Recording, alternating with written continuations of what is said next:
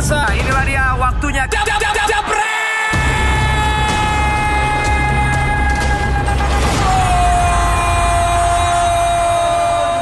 Dewan Pandit Indonesia.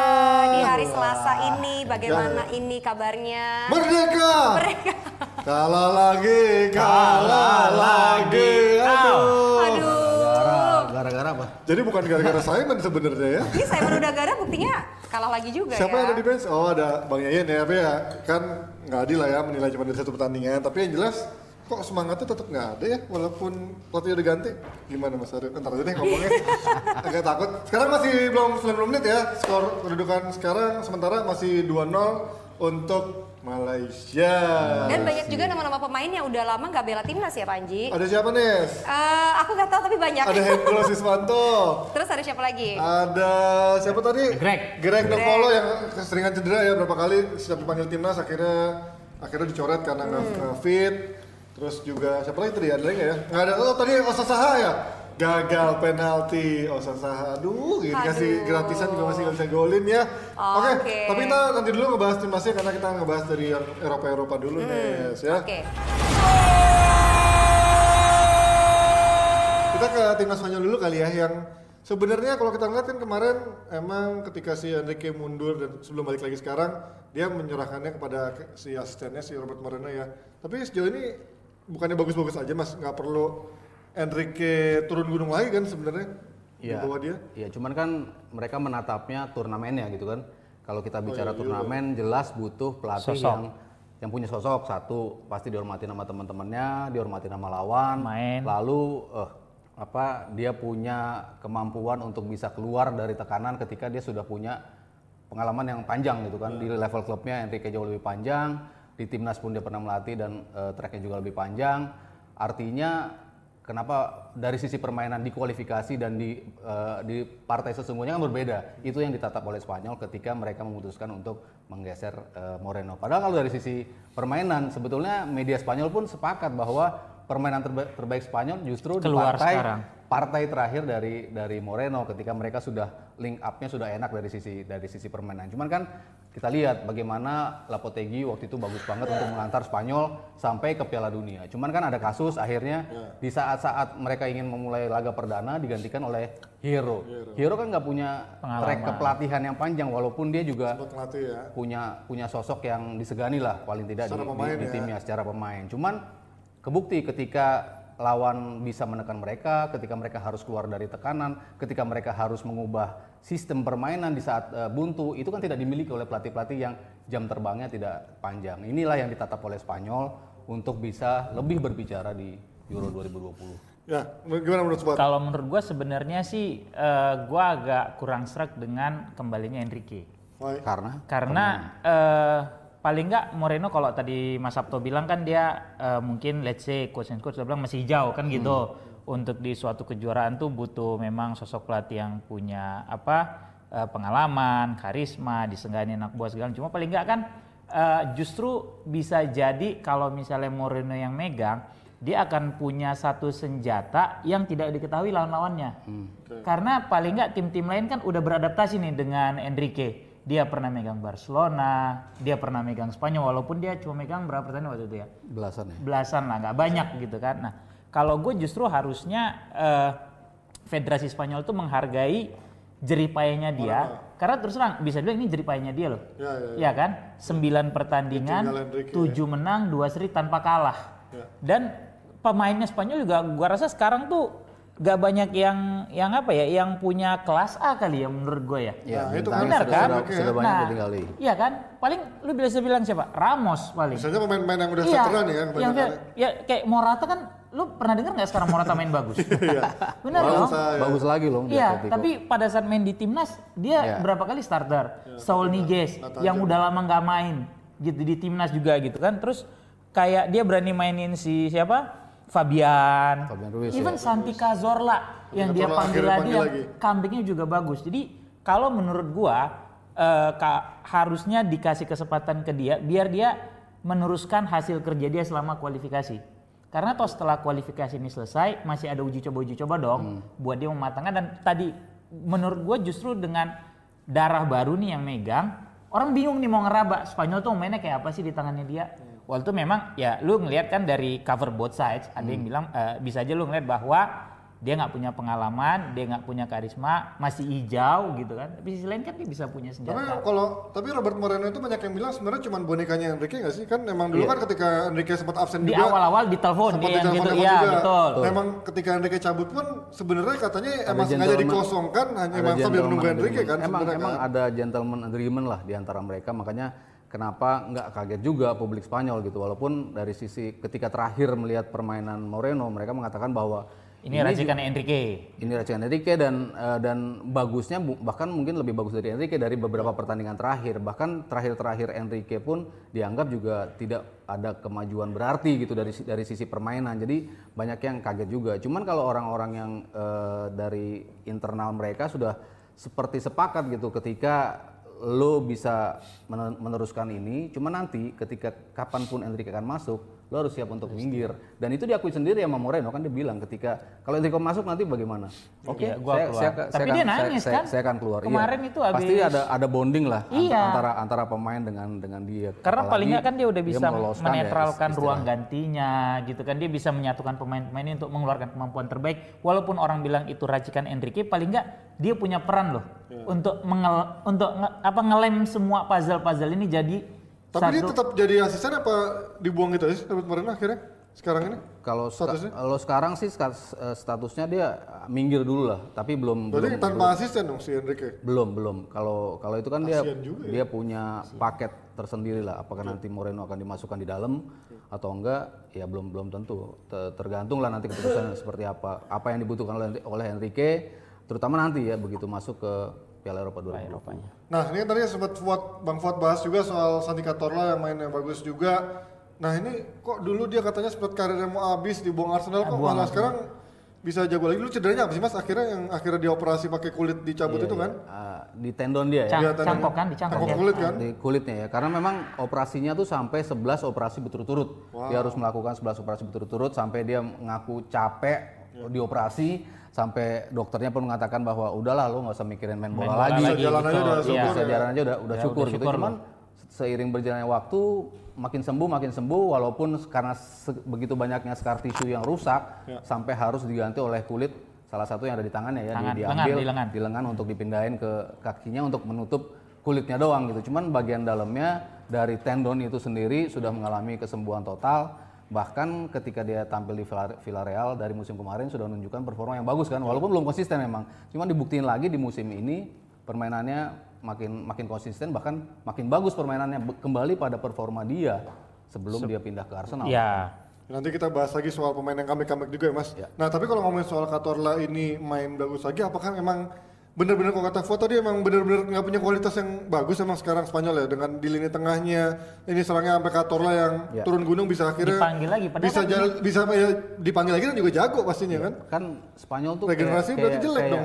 kayak nggak selesai-selesai gitu kan maksudnya pol- bukan polemik sih ya ketika eh, Xavi sudah mulai habis ketika Iniesta pun tidak bisa banyak membantu ketika akhir-akhir dari karirnya mereka butuh pemain-pemain pengganti dari sisi permainan pun Koke yang tadinya di, di, di apa diplot untuk menjadi Koke sama Fabregas. sama Saul sama Iya kan? ya sama Fabregas pemain-pemain yang yang Digadang-gadang eh, apa bisa bisa bisa menggantikan peran mereka kan belum ketemu terus nih formatnya. Bahkan pemain-pemain muda dicoba terus dari sisi muda Dani Ceballos dicoba, Bora Mayoral pemain-pemain mudanya dicoba, tapi mereka tidak punya konsistensi, tidak tidak ngejel sebagai eh, sebuah tim. Makanya kalau kita lihat komposisi sekarang yang ada di timnas Spanyol kan most of them kan pemain-pemain yang sedang tampil bagus di liga. Mereka gitu kan. Bahkan pemain dari Napoli diambil dari Real Betis diambil dari dari mana-mana tuh diambil. Bukan pemain-pemain yang memang menjadi pemain-pemain reguler di Spanyol cuman dicoba pemain-pemainnya. Salah satunya Cazorla yang memang lagi bermain bagus. Dan kita bicara Cazorla kita bicara sosok yang senior yang ketika sukses Spanyol dimulai 2008 dia menjadi anggota Ikut dari di situ. dari tim itu walaupun bukan pemain Inti. eh, inti ya.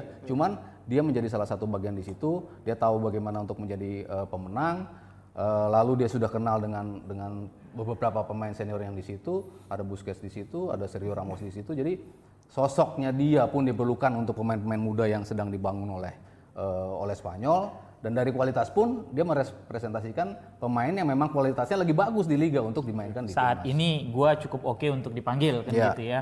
Nah, tapi kalau ngeliat bek kanan juga sampai ada Jesus Navas yang tadi winger jadi bek kanan, apa masalahnya sih dengan Spanyol bek kanan kan ada Carvajal, ada Aspilicueta, kenapa harus Jesus Navas gitu dipanggil? Ya ini kan eh, ya mencari bentuk terbaik kan. Kalau kita lihat mungkin mereka Mencari yang ingin lebih agresif. merubah dengan formasi 3-4-3, dengan formasi seperti apa pun kan bisa dicoba seperti itu kan pemain-pemainnya. Kalau kita lihat dari eh, di tim sekarang kan kar- apa klub-klub sekarang kan banyak juga kan pemain-pemain depan atau pemain-pemain winger dicoba sebagai Dicoba back. back. Juan Cuadrado di Juventus pun Jadi memerankan back, peran lama. sebagai sebagai back kanan. Jadi tidak masalah apalagi ketika dia tampil di Sevilla berapa kali pun dia ditampilkan sebagai back kanan. Jadi eh, cocok ketika dia diplot di timnas Spanyol juga sebagai back kanan. Nah, kalau ngomongin regenerasi juga di timnas Spanyol di lini depannya sendiri, Mas. Kan tadi Morata dibilang emang nggak top tier juga di timnas ya. Dulu nama-nama kayak Asensio. Ya, itu hilang. Terus sekarang Isco juga sekarang udah ulang hilang timbul Vasquez. Siapa lagi sih yang sekarang emang bisa layak mengisi timnas Spanyol? Rodrigo yang kelasnya cuman gitu-gitu aja. Ini apa yang membuat akhirnya Spanyol nggak punya regenerasi yang bagus? Iya kalau bicara bomber sekelas David Villa memang Nggak udah akan nemu udah, lagi. udah nggak Paku ada. Alcacer yang begitu lumayan di Iya Dortmund, apa Alcacer kan Paku mungkin kan main kemarin Ya, tapi gol. tetap nggak ini. mungkin ya. rata ya. Masih Sekarang kan digonta-ganti juga. dulu Iya. kan mungkin dua teratas itu Villa Villa Torres. Torres. Villa Torres Ya. itu udah digantiin. Costa, ya Costa juga Ketika ya. mereka coba menjadi tiga penyerang, Jesus Navas pernah ditaruh di depan, Atau Pedro, Pedro, ya. Rodriguez. Pedro, ya Pedro masih lumayan dulu bisa Pedro di ya. Cuman ketika mereka butuh dua striker yang betul-betul striker murni, akhirnya jatuhnya pilihannya kan ke Diego Costa karena dari dari kualitas pun dia tampil di Atletico luar biasa, dia tampil di Chelsea juga bagus. Makanya kenapa walaupun bisa dibilang sebagai seorang treble maker gitu, cuman dari sisi kualitas, Kualitas, tuh nggak ada yang ya, bisa ganti bisa dia. diandalkan. Dari segala macam komplitnya, dia pemain yang paling komplit. Dia punya kecepatan, dia punya akurasi tembakan, dia punya kemampuan untuk bisa memancing emosi lawan.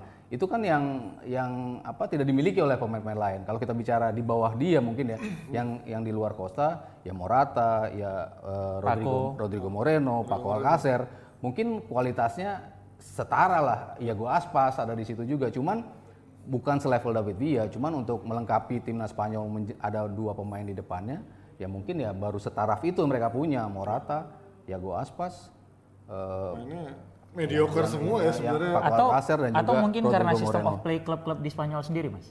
Ngaruh nggak sih sama pemain sama klub-klub Spanyol yang emang juga nggak punya pemain lokal yang jago sekarang kan?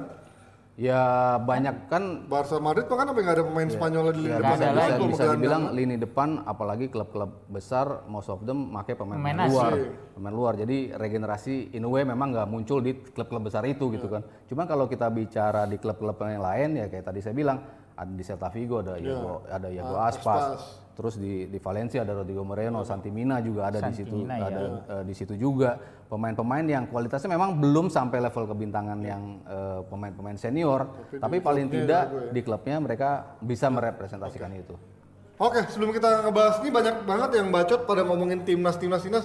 Sabar bro, tadi kan belum 90 menit, jadi kita nggak bakal bahas dulu sebelum nanti. Kalau udah habis. Eh, sekarang udah habis belum? Udah habis ya? Sabar, tapi kita sabar dulu. Masih kita pirit, kita pirit-pirit buat akhir supaya kalian bebas mau ngebantai. Nah, sekarang kita mau dengerin ulasan dari Mas Haryo soal pemain yang comeback yang bisa bersinar dan tidak bersinar dari segmen Data Haryo. Tetap di DPI. Di sini gue akan membahas beberapa pemain yang bisa dibilang melakukan comeback ya di timnasnya. Yang paling mentereng mungkin yang kita singgung tadi, Santi Cazorla, pemain yang sudah cukup lama tidak membela timnas, tapi karena prestasi dia dan juga bisa dibilang kayak kisah Cinderella ya. Maksudnya sebuah kisah yang mungkin tidak bisa dilihat di, eh, di tempat lain ya. Dengan ren- rentang yang begitu panjang dia mengalami cedera tapi dia berhasil melakukan comeback dan dan buktikan pemanggilan itu memang layak ketika kualitas dia di klub bisa dia pindahkan ke timnas bahkan dia bisa mencetak gol di di timnas juga memberikan assist itu kan suatu bukti bahwa comeback itu berapapun usia pemain kalau memang masih bisa memberikan kontribusi optimal masih bisa eh, memberikan sumbangsi yang maksimal itulah kenapa pemain itu bisa kembali ke ke timnas kalau kita bicara comeback, mostly emang karena kita lihat pemain yang sudah mengalami cedera, tapi bisa melakukan comeback. Kalau ada beberapa pemain yang melakukan comeback atau kembali dipanggil ke timnas, yang paling fenomenal menurut saya adalah kembalinya Zinedine Zidane, Lilian Thuram dan juga Makalele ketika mereka ingin masuk ke Piala Dunia 2006. Pada saat itu Zidane dan ketiga temannya sudah pensiun, tetapi karena diminta oleh Federasi eh, Perancis mereka untuk kembali untuk menyelamatkan Perancis agar bisa lolos ke Piala Dunia 2006, akhirnya Zidane dan kawan-kawan kembali ke timnas dan betul mereka meloloskan kembali eh, Perancis ke Piala Dunia 2006 tidak hanya sampai ke Piala Dunia 2006 tapi mereka berhasil sampai ke final. Kalau tidak ada tandukan Zinedine Zidane, saya rasa Piala Dunia akan kembali direbut oleh Perancis. Jadi kalau kita bicara comeback, kalau sukses ya mungkin kita bicara Santi Cazorla tadi sukseslah sekian lama menga- mengalami cedera, akhirnya dia bisa membuktikan dirinya bahwa dengan permainan yang konsisten, stabil di level klub bisa kembali lagi dipanggil ke timnas dan memang layak dipanggil ke timnas karena eh, kontribusinya memang dibutuhkan dan yang eh, tak kalah sukses yang saya katakan tadi eh, pemain yang sudah istirahat tapi ketika dibutuhkan oleh timnya lagi ada kasus Zinedine Zidane yang bisa kembali lagi membawa Perancis bersinar di level Piala Dunia. Kalau yang nggak sukses ya mungkin yang paling dekat adalah kasus Van Persie ya dari 2015 habis 2014 Piala Dunia dia begitu fenomenal bersama Belanda tapi tidak dipanggil lagi setelah 2015 2017 dia kembali lagi ke timnas tapi tidak bisa memberikan eh, permainan yang optimal juga bagi timnas Belanda sehingga dia tidak belum mendapat pemanggilan eh, bahkan eh, Ronald Koeman paling tidak mengatakan kalau pemain ini masih bisa menunjukkan performa terbaiknya akan kembali tidak tertutup kemungkinan untuk dipanggil menuju Piala Eropa 2020. Ya, sekian data Haryo untuk edisi DP. Tapi kita ngomongin sekarang timnas Italia yang juga mirip-mirip sama Spanyol yang mengakhiri laga kualifikasi dengan manis. Tapi ini kayak Mancini bakal ngikutin jejak pelatih yang baru dipecat juga kali ya. Yang golnya 27, dia golnya berapa kemarin? 9-0 ya? Ini kayaknya 9-1. Mancini, 9-1. Mancini nggak mengajarkan respect terhadap tim lawan nih kayaknya. 9-1 gimana? Dulu aja yang pas final Spanyol Italia itu Euro ya? Yang akhirnya sama Casillas diberhentiin. 2000 Euro 2012. Itu aja cuman baru itu aja baru 4-0 udah ditahan bolanya. Ini Mancini nggak ngajarin respect nih kalau begini. Nah, ngomongin Mancini dengan Italianya nggak ada yang nyangka ternyata Italia bisa menang 11 kali eh sampai nggak terkalahkan 11 kali beruntun dan ini rekor ngalahin eh, lebihin dari Vittorio Pozzo bahkan Vittorio Pozzo cuma 9. Apa sih Mas yang membuat akhirnya Italia di bawah Mancini yang kita lihat kita ngeliat juga sebenarnya skuadnya nggak ada yang nyangka bisa sejago ini gitu loh. Iya, bahkan dengan PD dia bilang bahwa kayaknya sekarang tim-tim seperti Takut. agak takut ya Ketemu kalau Italia. ketemu Italia. Mungkin nggak takut, cuman kalau bisa gue hindarin deh Ya. eh, tim eh, tim Italia kali ini. Kan memang dari sisi permainan berbeda jauh eh, tim Italia dari tim Italia yang kita tahu.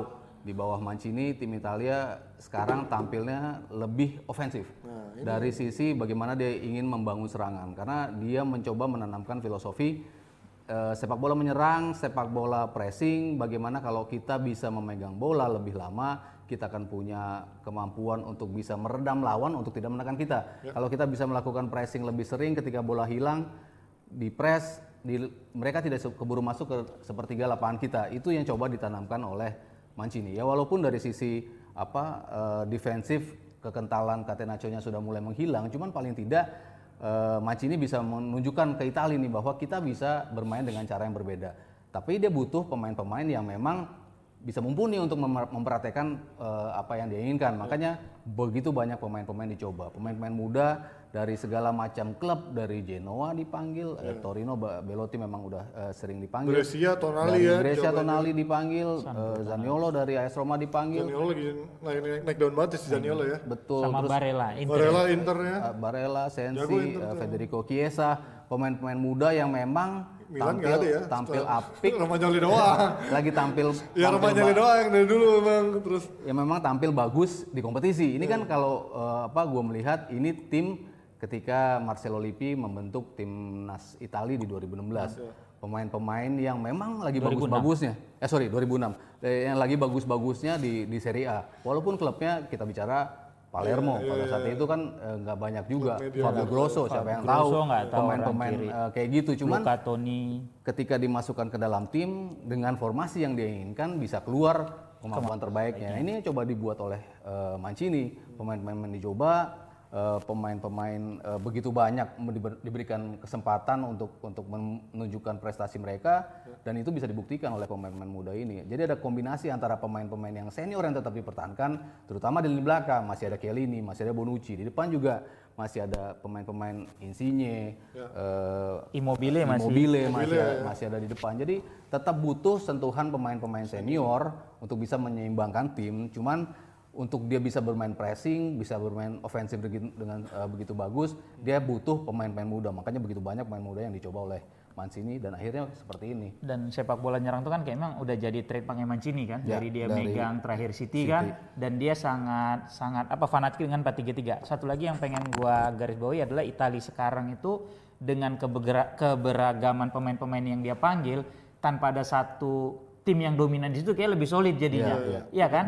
Juventus dia cuma panggil paling Bonucci. Nah, Bentar kalau ada sehat Ciel ini paling kalau sehat itu kan. terus Ya, Karena emang udah punya pemain. Italia lagi ya. dan dan, paling Oh dan iya, iya, benar kayak lu bilang walaupun even klubnya itu terpuruk tapi kalau pemain itu yang menonjol dia panggil. Romagnoli Milan urutan berapa lu lihat? Milan ya. iya benar kan? tapi Milan dia ya, berani main terakhir walaupun memang lawannya cuma Armenia kan terakhir itu kan gitu. Tapi dia berani gitu dia dia masang pemain dari klub-klub mana mana mana mana mana Dia Lazio, Belotti Torino. Iya, nggak ada yang dominan kan? Betul, betul. Tidak ada yang dominan gitu. Itu itu mungkin senjatanya Juve sentris juga. atau Inter sentris Milan ada sentris sama ya. sekali nggak ada. Dan itu yang tadi kalau kita mundur kayak Spanyol sekarang. Nah. Tidak ada juga yang dominan antara Barca sama si Madrid di situ. Ini Zaniolo kan belakangan lagi terus disebut namanya diincar klub-klub Eropa, salah satu pemain Italia muda terbaik. Sebagus apa sih sebenarnya gaya mainnya emang kayak gimana sih emang? Apakah dia emang winger? Apakah cocoknya main di tengah? Apa gimana sih mas? dia Winger di di posisi banyak posisi dimainin bagus itu walaupun kalau main di Lumayan Roma dia kan sering dia. tampil di sisi wing ya kiri di sisi wing jadi eh, apa dia bisa nusuk ke dalam dia bisa memberikan umpan dia bisa apa cutback lalu melakukan tembakan emang karakter pemain-pemain ofensif yang dibutuhkan oleh Tapi badannya padahal agak gede ya untuk ukuran winger ya. agak gempal Agak gempal dan badannya tuh nggak nggak lincah-lincah amat. Nah tapi kalau dibandingin sama 2006 kan tadi kita ngomong 2006 perpaduan pemain-pemain dari tim kecil sama pemain senior. Tapi kan pemain senior zaman dulu Totti mas, Iya. Del 2006 masih Piero, lebih banyak. Inzaghi, Ada Buffon, ada Iya, nah Cannavaro. menurut gua apakah apakah ngelihat si pemain-pemain ini ketika berhadapan di Euro bisa mentalnya udah mental turnamen nih kayak gini pemain-pemain muda campuran Ya, dari tim i- mediocre. Ini kan yang yang bikin rame bursa juara tuh kan karena tim-tim lain pun mengalami hal sama gitu. Kita bicara Jerman. Jerman sekarang kan nggak Ya, si sekuat kemarin kan Jerman walaupun Dan juga sama ya. pemainnya mungkin nggak banyak kita tahu Prancis kan? doang yang ngeri kali ya. 12 ya, Prancis 19 sama beda. Inggris mungkin kalau 2000 orang lihat di atas itu kertas. 2017 Jerman dengan tim kedua bisa juara Piala Konfederasi. Konfederasi, Nah, betul. Itu kan orang mengatakan wah Jerman nggak akan- Calon juara. calon juara Piala Dunia Berantakan. nggak lolos fase Betul. grup. Itu mereka sedang eh, melakukan pembenahan. itu Lalu kayak Jerman sorry di 2000 kali mas yang berantakan di Euro Iya, dia mulai butuh 14 tahun ya, rebuilding akhirnya, kan akhirnya mereka jadi Iya. 2010 ya mereka sampai ke 2010 final lalu 2014 mereka menjadi baru juara. terus tim-tim yang sedang naik juga kita bicara Inggris kan? Ya seorang skeptisnya sama Inggris tapi harus kita bukti eh, harus kita akuin tim ini emang lagi bagus gitu loh. tim ini Pemain-pemainnya Ada progresnya di juga klub ya dari- di klubnya lagi bagus Jadi tampil di pilar. Eropa di, di level klub di liganya pun juga lagi bagus sehingga mereka memang layak untuk sampai ke semifinal Piala Dunia kemarin lalu eh, lolos juga dengan rapor yang sangat Rapor bagus. sangat bagus. sangat bagus juga. Belum lagi kalau kita bilang Nation League kemarin kan dia Ya, juga terus juara ada, kan? Portu- ada Portugal, ada Prancis, ada tim-tim yang bisa dibilang secara kualitas. Mungkin ada enam tim yang kualitasnya hampir sama. Italia masuk di situ juga karena tim-tim ini sedang berbenah, belum ada super tim seperti Spanyol di 2008 sampai 2012, tidak ada super tim seperti Jerman Jerman di 2014. 2014. Ya Prancis mungkin terakhir 2018 yang tampil fantastis ya dari sisi eh, apa permainan dan segala macamnya. Jadi merata dari semua lawan yang saya katakan mungkin ada 6 sampai 7 yang punya peluang sama untuk menjadi juara, membuat Italia akhirnya masuk juga ke situ nih karena rekor mereka yang begitu bagus walaupun dihuni pemain-pemain muda. Tapi sedi- singkat aja, kalau menurut kalian progres Italia di Euro nanti apakah bisa jadi kandidat yang emang eh, mengejutkan nggak kira-kira di turnamen nanti? Kalau gue sih enggak mas, karena pengalaman tuh Italia kalau bagus di kualifikasi jeblok Malah di turnamen. kebalikan ya? Betul. Dulu 2006 malah sebenarnya kan Calciopoli kan, kan? 82 juara Piala Dunia. Abis juga. Calciopoli lagi Iya. Juve-nya Di, kan? di dalamnya lagi Lagi Lagi carut marut iya. kan? Kita tackle lokal. Berbenah, ketua ketuanya kan udah ganti tuh. Tadi udah katanya udah siap menyikat orang-orang yang di bawahnya. Tapi kita tadi kalah Mas 2-0 Bang Fuad. Gimana nih ngeliat tadi permainannya 2-0 yang katanya farewellnya dari era sebelumnya ini gimana nih? Gua nonton tadi jujur cuma babak pertama. Iya emang, iya iya, gue ya, juga. karena gue mesti ke sini, Iya, ya iya, kan? iya, iya. Babak pertama Tapi itu minat sebenarnya nonton ya abis babak pertama. Oke sih menurut Oke. karena bahkan shot on targetnya lebih banyak kita Bagus. loh daripada Malaysia. Gue Oke. setuju ya babak, Iya. babak pertama ya. Tiga shot on target, Malaysia cuma punya dua. Ya. Bahkan gol dia itu kan bola mati. Nah Ya, itu emang itu. kesalahan pemain-pemain kita mas ya, karena mungkin terbiasa main kasar di liga lokal. nggak dapat pelanggaran. Iya nggak dapat pelanggaran. Mereka dan itu emang udah PR dari dulu kan. Ya. Karena karena wasitnya terlalu lembek atau wasitnya gampang diintimidasi. Kalau pelanggaran mereka bisa protes hingga nggak jadi pelanggaran. Itu kejadian itu tadi. Padahal kan nggak nggak perlu sebenarnya itu di tackle tuh. Bener kan? Dan posisinya ya kalau lu main kan lu harusnya ngitung nih ya mikir ini kalau gua tackle posisinya menguntungkan lo ini. Kayak mana lu tackle di kotak penalti kan pasti penalti. Iya. di luar pun begitu. Tengah kotak loh Ya. lu kalau ngambil free kick kalau dia emang punya spesial sih cuma tinggal milih nih gue mau taruh kanan apa kiri bolanya? Mau kaki kiri ke kanan. iya kan? Bisa dua-dua di tengah gitu. Tinggal ganti LR doang LR. iya? LR doang gitu. Loh dan tadi benar placing doang itu tadi gue bilang Nah, Nggak tapi, dapat. tapi kan kalau tadi kalian, kalian ngomong babak pertama bagus kan pertemuan pertama juga sebenarnya Indonesia nggak jelek-jelek amat ketika di babak pertama sebelum akhirnya si mau mari mau mari so mari Ya, itu ya, masuk itu akhirnya ya, nyetak dua gol itu kan. semua. Ya sebenarnya apa sih penyakit kita ketika masuk babak kedua tuh akhirnya selalu lepas kontrol, hilang konsentrasi, digolin juga itu kenapa? stamina Stamina lagi. Stamina ya masuk lah. Ya ya, ini kan rentetan ya. Kita bicara timnas, kita bicara rentetan segala macam permasalahan di liga yang terjadi dalam dalam artian begitu padatnya jadwal. Itu kan diakui kemarin oleh oleh Simon se- eh, sendiri.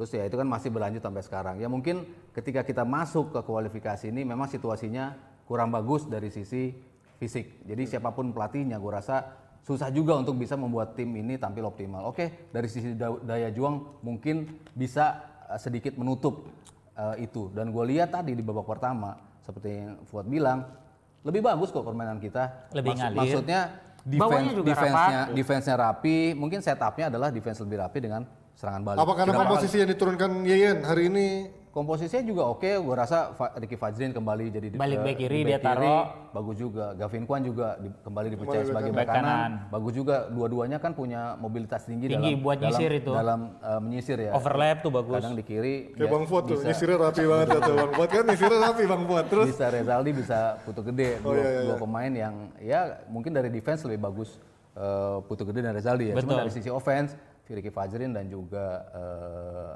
Gavin Kwan Gavin. bagus dalam dalam sisi itu. Lalu di depan eh di tengahnya Greg kan mereka ada, ada tengah dulu kita ya. bisa lihat, transisi tadi agak kurang mas kita bisa lihat tim tanpa Evan Dimas kita bisa lihat tim tanpa Lili Pali Lili Pali tetap bisa ngelawan kok dari sisi permainan pemain-pemain kita ini yang muda Hendro Siswanto eh, tampil M. tampil, tampil bagus tadi mainnya. TM, juga tampil bagus ya comebacknya Greg di depan kan memang selalu menjadi PR kita kan pemain di depan pemain ujung tombak yang dari kapan pun dari mungkin sampai sampai BP turun pun belum ada penggantinya yang setimpal gitu kan makanya kenapa akhirnya harus Dinaturalisasi. naturalisasi karena Iya. memang kita nggak punya pemain dengan postur besar yang bisa berduel eh, bola atas atau hold up ball. Lalu ketika harus eh, duel satu lawan satu dalam kotak penalti yang merepresentasikan kekuatan fisik, makanya kenapa pemain-pemain ini dinaturalisasi. Jadi mungkin ya PR-nya kalau kita lihat dari keseluruhan tim ya memang belum lengkap dari sisi depan gitu. Cuman dari pemain-pemain yang dicoba sama Yeyen di pertandingan ini, gue melihat ya optimis dari sisi kengototan di babak pertama. Lalu ketika harus melakukan transisi di bab, kita bicara babak pertama ya, ya. gue nggak bicara babak kedua. iya. Kita di babak pertama bisa kok kita melakukan itu. Cuman kan masalahnya ketika fisik itu mulai kedodoran, lu kan nggak bisa lagi meneruskan apa yang lu nendang aja kadang babak udah pertama. bisa nggak nyampe kan gitu Eh Mbak Yeyen, eh sorry, saya pikir, saya pikir Mbak Yeyen, kalian Nesa deh.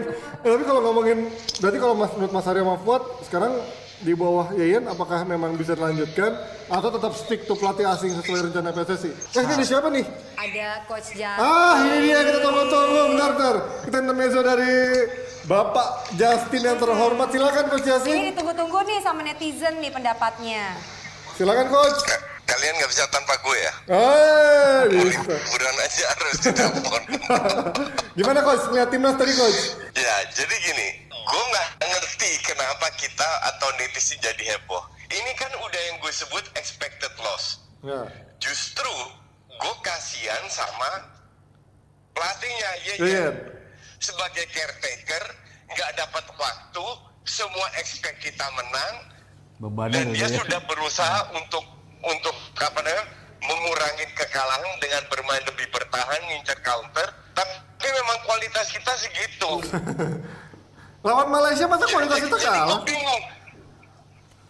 Gue bingung kenapa gini gini. Ini kan match kelima. Ya. Empat match sebelumnya Kalah. itu main ancur-ancuran kalah.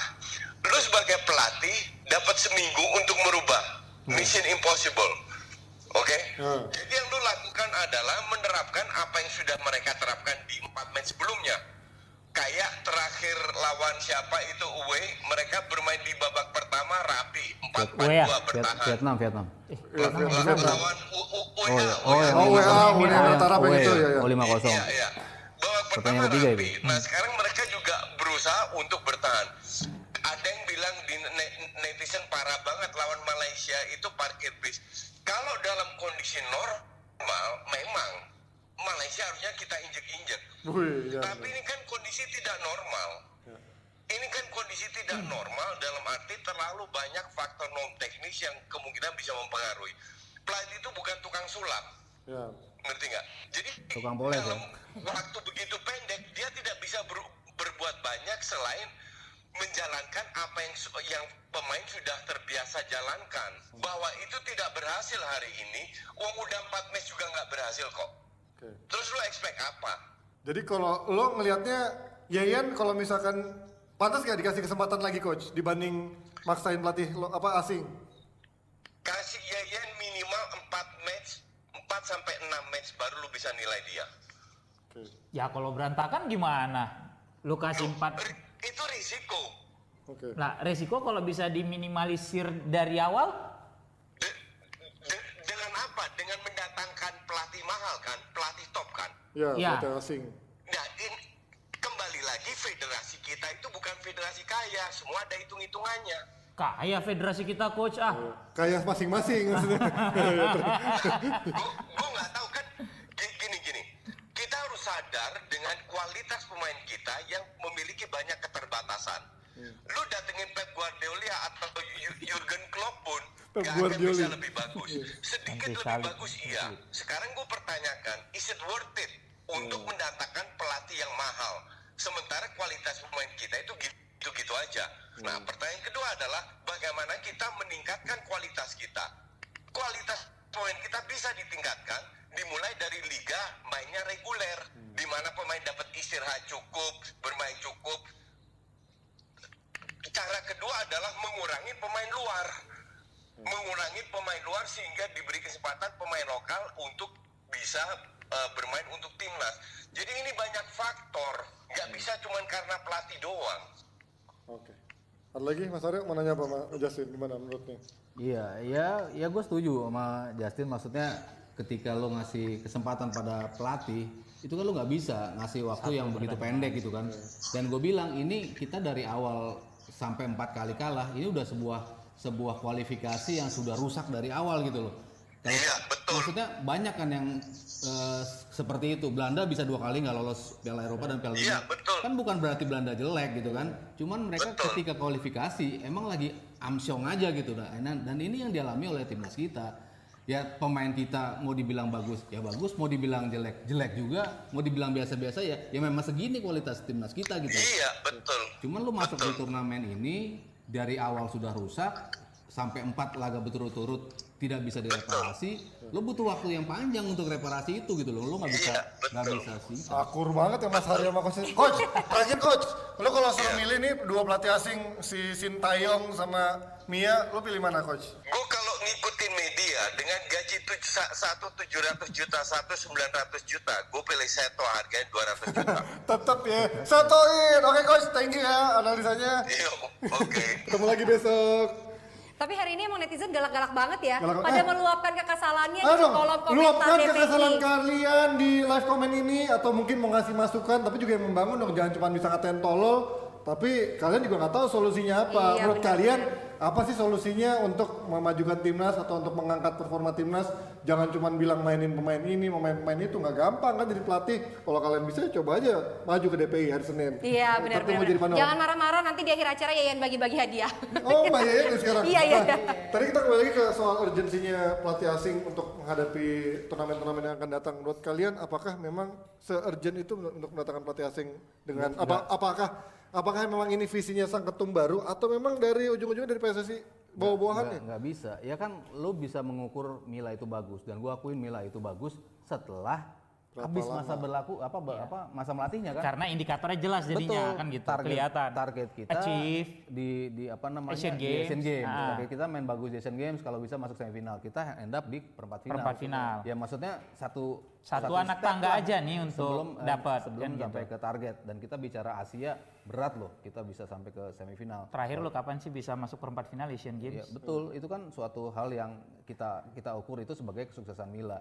Memang idealnya diperpanjang Mila. Jadi kan program dia itu bisa Continue. bisa continue gitu loh.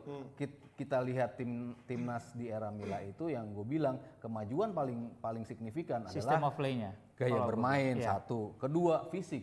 Main lawan UEA bisa 120, 120 menit gak kendor. masih ngegas 120 Nggak menit. kendor. Itu kan jarang banget kita lihat di timnas kita. Jadi kan fisik dibenahi eh, dari sisi permainan pun ditekan lawan kita bisa keluar dari tekanan dengan santai, bisa operan-operan bola di di belakang, hilang bola. Pressingnya itu efektif, tidak semua melakukan pressing, tapi siapa yang harus melakukan pressing agar bola itu tidak Nggak nggak cepat transisi cepat ke lawan, ya. itu kan begitu rapi. Cuman ya itu Mila kan butuh waktu yang lama untuk melakukan itu. Jadi mau Mila lagi kek, mau Sintayang kek, tapi kalau dia cuma diberi waktu dalam enam pertandingan lu harus bisa membawa kita Atau cuman ke mana satu apa kompetisi gitu ya. Dan Ini lu harus ini ya susah juga karena Berarti yang mesti dilihat targetnya ya. kan target yang dibenahi tadi kan juga kita bicara sekarang fisik lagi kedodoran. Pelatih kok mau mau ngegas kayak apa kan juga nggak bisa gitu kan. Kebukti berapa pertandingan 60 menit main bagus. 70 paling maksimal lawan Malaysia itu udah tapi kan lu nggak bisa sampai ke 90 menit dan pelatih asing pun gue rasa dengan fisik yang ada sekarang di pemain kita akan susah. Kita mulai kalau kita baca maunya netizen gitu ya, kita lihat komen-komennya banyak yang terus membandingkan timnas senior atau menghujat timnas senior dan bilang coba aja yang main tuh tim U23 atau U20 yang kemarin berhasil menahan seri apa ya kemarin ya? Lawan Iran, Iran. ya, Iran, kan. Apakah memang ketika mereka main di timnas senior akan bisa segitu juga staminanya menghadapi yang senior-senior kan? Nggak jaminan juga, Nggak juga kan sebenarnya. mungkin lebih polos, lebih bisa dikerjain lagi sama pemain-pemain senior dengan lawan ya. dengan trik mereka yang Betul. lebih kaya lu Iya. ngadepin anak yang baru sekali main di turnamen besar yang, gitu ya. yang polos loh. Iya. Mungkin kecepatan oke gitu. Cuman critical apa pemilihan Decision-nya. gitu kan, decision makingnya itu kan belum matang pemain-pemain U19 kalau dihadapkan dengan pemain-pemain senior ya. Kalau kayak tadi misalnya Piala dunia loh mereka bentar lagi babak, asik. sorry gue potong kalau yang kayak tadi cerita pengalaman tadi gue lupa babak pertama menit keberapa yang si Yanto Basna sama striker Malaysia Perhatikan itu. yang tarik-tarikan Iya. mungkin kalau pemain muda dengan naifnya itu bisa jadi penalti, Jadi penalti. ya Iya, iya, bener kan tapi karena Yantonya juga pintar gitu ya juga tahu ya badan. dia jatuhin badan gitu itu kan yang bisa lu dapet berdasar ya dari pengalaman-pengalaman lu ketemu lawan-lawan yang Iya. sepantaran kasarnya kan gitu Tapi kalau kita lihat dari gol kedua tuh, itu kalau misalkan eranya final AFF disangka sepak bola gajah kali ya, yang tadi Yanto Basna direbut itu gimana ngeliatnya? Itu blunder sih. Blunder kan? murni Berarti blunder. sebenarnya kalau ngeliat itu gua blunder gitu sah-sah aja kan ngeliat waktu Maman Abdurrahman direbut sama siapa Safi Sali ya? Iya, iya.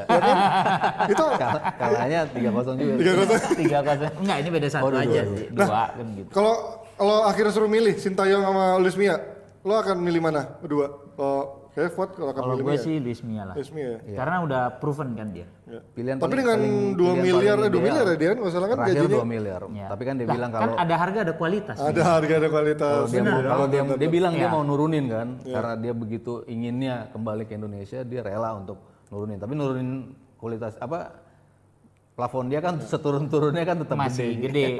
Dan gua rasa justru sekarang dia punya posisi tawar lebih tinggi. Diajak meeting di Malaysia kan dia nggak mau, nggak bisa dia bilang.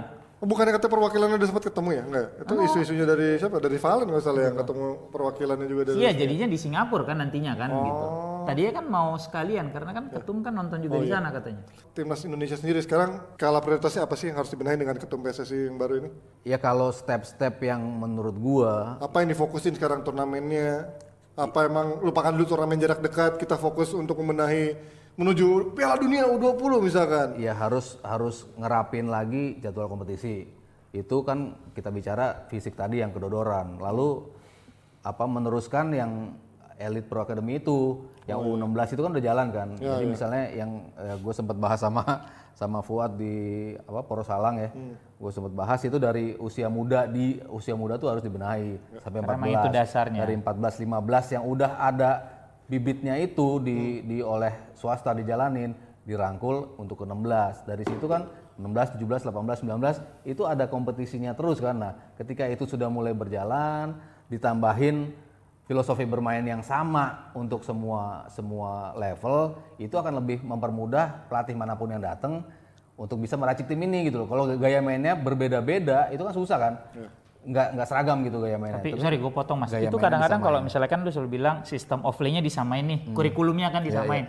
Kalau misalnya dia kita nunjuk pelatih asing lagi, mereka kan punya ego. Mereka punya ego, mereka punya gaya permainan sendiri. Once mereka misalnya mau main dengan misalnya kita dididik dengan 352. Iya. Karena mungkin itu yang paling paling cocok sama kita dari dulu kan. Kita punya winger selalu kencang-kencang gitu kan. Back kita juga bagus-bagus. Tiba-tiba main 442. Apa nggak bingung tuh anak-anak kalau kayak gitu? Iya, cuman kan biasanya kan nego dulu lah sama sama pelatih yang mau datang kan. Oh, iya. Itu dia makanya perlu Iya, presentasi ini kan gitu. materi kita seperti ini. Ya. Kita ingin bermain seperti ini. Lu bisa bawa tim ini kalau Ya, oh, ya, itu gaya sepakat. gua berbeda gini Ya gini, udah gini, berarti gini. kita Tapi kalau kita kan Wismia udah tahu ya, kalau kalian sedikit ngelihat kemarin Sintayong melatih tim-tim sebelumnya gimana sih kayak mainnya? Melatih timnya? terutama di Piala Dunia kemarin ya. Ya. Sama aja sih maksudnya. Korea ya, ya. Le- levelnya kalau kalau gua harus milih level kekayaan eh, kual- apa teknik Teknik, teknik taktik. melak- taktik jauh lebih lengkap Mia. Mia kan yang satu lagi yang yang gue bilang bagus itu ketika tim lo buntu dia bisa mengubah permainan di tengah jalan. Permainan yang ketika lawan Uni Emirat Arab itu kan kita sacrifice satu pemain jadi tiga back, Jadi tiga tambah pemain di depan. Kan nggak semua pelatih berani untuk melakukan itu kan Dan di partai krusial di pula itu. partai krusial. Kebukti kita bisa nyamain di menit-menit terakhir itu kan butuh pelatih dengan kualifikasi seperti Mia yang sudah menunjukkan dia paham pemainnya seperti apa, dia paham apa yang harus dibenahi di tengah jalan dan dia tahu betul gaya permainan kita. Jadi kalau kita harus tembak-tembak lagi dengan Sintayang, ya gue mendingan kalau ada duitnya ya Luis Mia. Tuh udah banyak tuh komen-komen juga dari Nur Aziz. Bener-bener. Jadwal liganya harus ngikutin kalender FIFA, jangan asal-asalan. Perlu juga pemain timnas diajar latihan seperti kerja Rodi ya, buset. Agak Udah pernah ya. itu kan, Udah pernah. 90, Tahun 91 supaya nggak 91, manja. kan? Oh iya, itu Iya, sadis tuh ya. kan? Nah itu kadang-kadang aku juga bingung. Kalau mis 91 kan juga ter- kompetisi kan juga masih acak adul mas, masih galatama malahan kan. Tapi berarti bisa dong sebenarnya pada saat lu masuk ke satu kejuaraan fisiknya yang lu genjot. Bisa juga, cuman kan ya kita bicara lawan sekarang kan udah jauh gitu. Oh, loh. iya. Kemajuan lawan itu misalnya kita ngelangkah dua, mereka langkahnya Udah empat, empat. enam iya, gitu. iya, iya. Jadi kalau kita bicara Malaysia itu dulu kita bantai, Thailand dulu Itu kita- dulu. itu kan dulu sekarang harus- Soviet juga dulu kita tahan. Iya, zaman masih Itu kita dulu. bawa Batavia apa? Iya. kita kan harus harus samain dulu nih pe- apa Di pengharap- timeline yang sama. pengharapan gitu ya. kita sama tim yang ada sekarang lu harus lu nggak bisa ngeliat lagi Malaysia dulu kita bantai ini Iya, tapi mereka kan udah maju kebukti dalam berapa kali pertandingan si games final di Jakarta kalah juga kita sama Malaysia gitu kan Ini kayaknya emang timnas kita nih sekarang kayak pendukung MU kayak zaman sekarang kali ya, melihat masa lalu terus. Eh, Oke lah, Nesa. Oke, ini bacain udah ada komen. komen-komen nih dari netizen, dari Jebreters, di antaranya dari Rievo. Coba main dengan formasi 352 dengan sayap yang kuat menyerang dan bertahan. Main dengan dua striker seperti timnas Indo era 90-an. Bagus nggak nih komennya? Bagus, bagus. Bisa ya? Anak lama tuh dia Anak lama ya. tahu. Tua nih ketahuan. 352 dulu Aji di kiri, Agung di kanan kan. Waduh. Agung Setiabudi, ya. Oke, satu lagi komen dari Andre. Kalau beneran Federasi PSSI harus dari yang kalau benerin Federasi PSSI harus dari yang terdekat dahulu. PSSI regional masing-masing daerah, tapi nggak semudah itu juga. PSSI pusat dibongkar pas dibongkar pasang, kalau akarnya tetap sama nggak akan ada perubahan. ya Bagus. Oke, standar. standar ya. Kalau gitu kita ketemu lagi besok ya dengan pandit-pandit lainnya. Dan pastinya kirim juga buat yang pandit-pandit online kalian yang tadi udah banyak ngeluh-ngeluh soal timnas mungkin juga bakal bahas juga buat Senin depan kali ya yang siap jadi pandol. Kita pengen Silakan. dengar keluh kesahnya mungkin kalian jadi pandol nanti apa solusi kalian gak cuma bisa kritik itu pasti. Benar, benar, benar, benar. Ketemu lagi di DPI besok jam 9 malam. Sampai Bersama kita semua di DPI Aku Saku. Hai pemirsa, inilah